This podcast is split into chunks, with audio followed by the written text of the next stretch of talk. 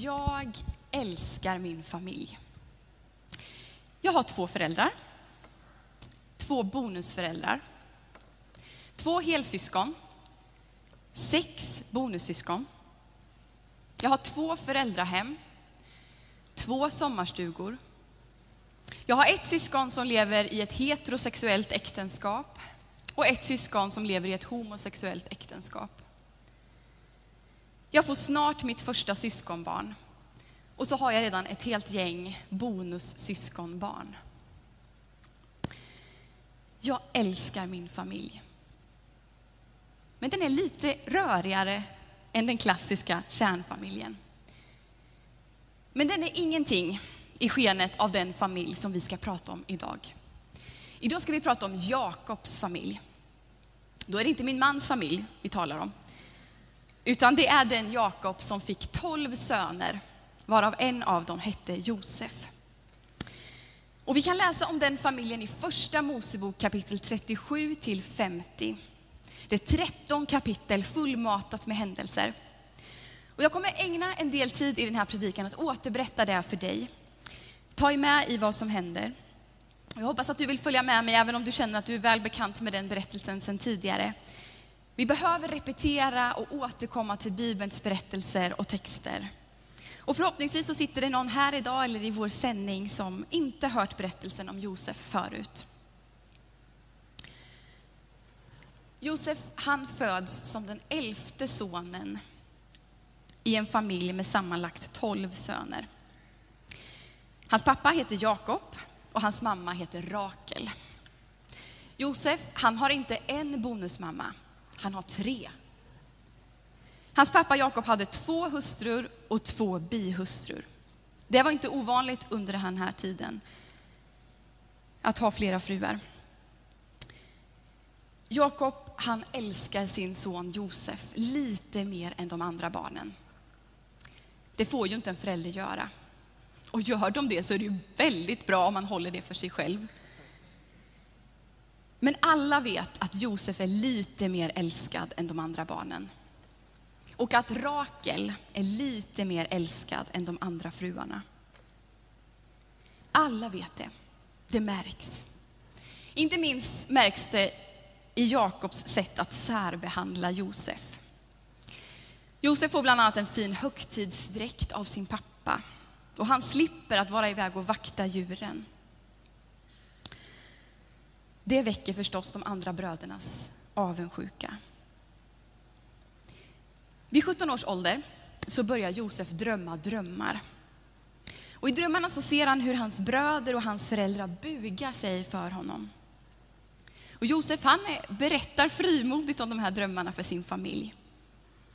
Och inte helt oväntat så spär det på den där frustrationen till och med Jakob börjar känna att särbehandlingen av Josef kanske har börjat stiga honom åt huvudet. Det har gått för långt.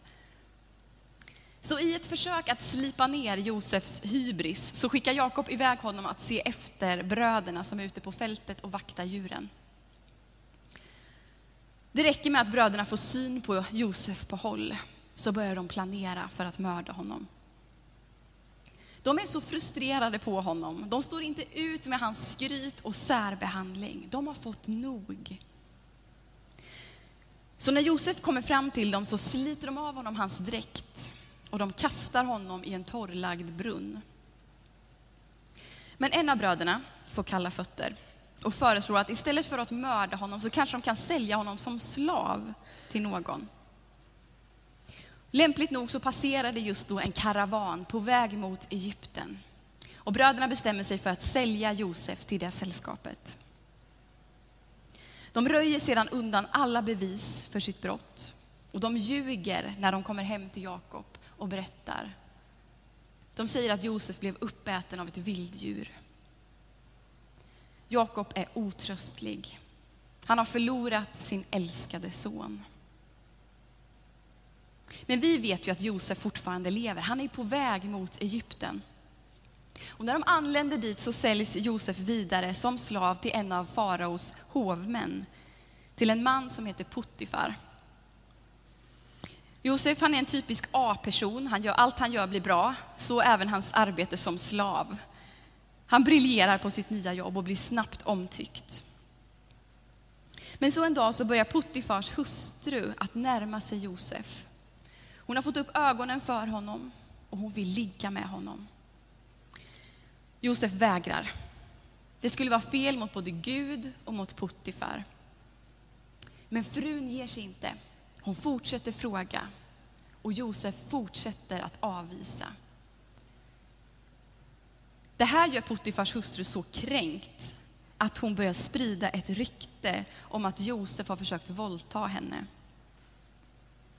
När det här ryktet når till Puttifar så blir han förstås vansinnig och han slänger Josef i fängelse på direkten. Josef går alltså från att vara älsklingssonen till botten på en brunn. Han blir såld som slav och nu satt i fängelse. Det är vad man kan kalla en tuff livsresa. Men det är i fängelset som det vänder för Josef. För i fängelsehålan så börjar Josef med Guds hjälp att tyda sina medfångars drömmar. Och en som får sin dröm uttydd är en munskänk från faraos hov. Och när munskänken ska släppas från fängelset så ber Josef honom att kom ihåg mig när du blir fri. Kom ihåg mig där på andra sidan fängelset. Men munskänken han blir så upptagen av sin egen frihet att han glömmer bort Josef i två år. Men så en natt så får farao två svårtydda drömmar som ingen spåman eller drömtydare i det egyptiska hovet kunde tyda. Då plötsligt kommer munskänken ihåg att det fanns ju en person i fängelset som var bra på att tyda drömmar. Så man kallar dit Josef från fängelset till hovet. Och Gud hjälper Josef att tolka faraos drömmar. De här drömmarna som farao har fått, de handlar om att det kommer komma sju riktigt svåra år. Det kommer vara hungersnöd och misär i landet. Men dessförinnan så kommer det vara sju goda år med bra skördar, en tid att fylla på förråden. Så Josef ger rådet till farao att skaffa sig en klok och förståndig man som kan ansvara för att samla in mat under de goda åren och sen distribuera ut det under de magra, fattiga åren. Farao han nappar på den idén, han tycker det är en bra idé och han ger den uppgiften till Josef. Du får vara den personen. Så Josef går alltså från att vara fånge till att bli Egyptens näst mäktigaste man. När de här sju åren av hungersnöd drabbar Egypten så drabbar det också de omkringliggande länderna, där Israel var ett av de land, länderna. I Israel bodde Jakob och den resterande brödraskaran. Och de svälter. Men när Jakob får höra att det finns mat i Egypten så skickar han dit sina tio äldsta söner för att köpa mat. Och vem var ansvarig för matutdelningen? Det var Josef. Så efter alla dessa år så möter bröderna igen sin bror Josef. Josef han känner igen dem direkt. Men bröderna kopplar inte vem det är som står framför dem. De ber honom om hjälp. De kommer med tomma händer. Men innan Josef är villig att ge dem den hjälp de behöver så vill han försäkra sig om att de har förändrats. Så han testar dem. Han anklagar dem för att vara spioner. Han sätter dem i fängelse. Han testar deras kärlek till minstingen Benjamin, som är Josefs helbror. Han vill se om de har ändrat sitt sätt att bemöta varandra. Han observerar bröderna minutiöst.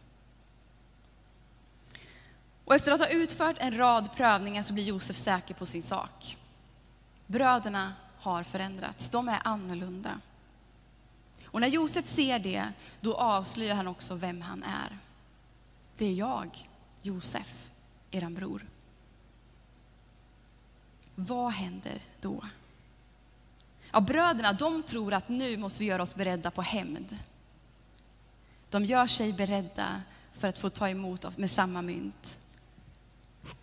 Men Josef har gjort sig beredd på något annat. Josef är beredd att förlåta. Och han förlåter dem. Han omfamnar dem och ber dem att flytta med hela familjen, med Jakob och alla barnen, till Egypten och bosätta sig där. Och det blir så. Hela bunten, hela klanen flyttar ner till Egypten och bosätter sig där. Här kan vi snacka en rörig familj. Det är nästan tv-serienivå på den här familjeberättelsen. Vi har månggifte, vi har barn med olika mammor, favorisering av barn, avundsjuka, lögn, planer till mord, sorg över att ha förlorat ett barn, anklagelser om otrohet, fängelsestraff på felaktig grund, ekonomisk kris i form av hungersnöd. Här finns allt och lite till i den här familjen.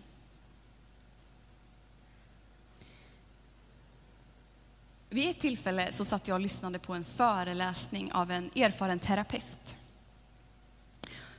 Den terapeuten sa så här. Alla familjer har sitt. Alla familjer har sitt. Det kan låta som en ganska uppgiven insikt. Men det terapeuten ville göra var att försöka normalisera det som många tror att de är ensamma om. Nämligen att det bara skulle vara min eller hans eller hennes familj som är lite röriga, som ser lite annorlunda ut, som har en del problem. Terapeuten hade en annan erfarenhet efter att ha suttit i hundratals samtal med människor. Alla familjer har sitt. Terapeuten berättade att det kan röra sig om, eller kan handla om spända relationer, svärföräldrar som inte lyssnar, syskon som tar avstånd från varandra, par som skriker och slänger i dörrar, par som inte rör vid varandra längre. Det kan handla om föräldrar som pressar sina barn att prestera. Det kan handla om högljudda bråk, arvstvister, sjukdom, missbruk, lögner, skam eller lite knepiga släktingar. Det finns familjer för allt. Alla familjer har sitt. Och jag vågar påstå att till och med den kristna kärnfamiljen har sitt. När Matteus skriver sitt evangelium så ägnar han stora delar av, åt kapitel, eller i kapitel 1 åt att redogöra för Jesus släkttavla. I kapitel 1, vers 1 står det en släkttavla för Jesus Kristus, son av David som var son av Abraham. Och sen följer en lång, lång lista med namn. Och det kan vid första anblicken se ut som att här är en lista på de svåraste namnen att uttala. Det är en sån här text man inte vill läsa i en gudstjänst. Men det är lätt att missa i en sån här lång uppräkning att här finns det en sanning gömd som är värd guld. Nämligen att även Jesu familj hade sitt. I den här släktuppräkningen så kan vi hitta alkoholister, avgudadyrkare, giriga materialister, prostituerade, ogudaktiga, mördare och tjuvar. Allt man kan tänka sig som lite problematiskt i en familj, det hittar vi i de här listorna, i de här människorna. Det finns i, egen, i Jesu egen släkttavla. Bara kung David själv, han täcker upp liksom 80 procent av hela den uppräkningen. Han hade mycket att kämpa med, David, men han kallas för en man av Guds hjärta. Bibeln är så fantastiskt organiserad att till och med i en släkttavla så finns det goda nyheter för den här världen. De goda nyheterna, det är att Gud själv har trängt sig in i den röriga och tvetydiga mänskliga familjen. Hur kan han vilja det? Är det särskilt smart? Hur kan det vara Guds plan? Jo, det är Guds plan. För att när han föds in i den röriga familjen så kan han rädda den.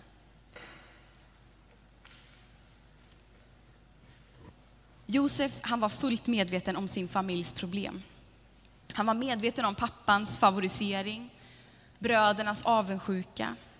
Han var medveten om lögner och förtal.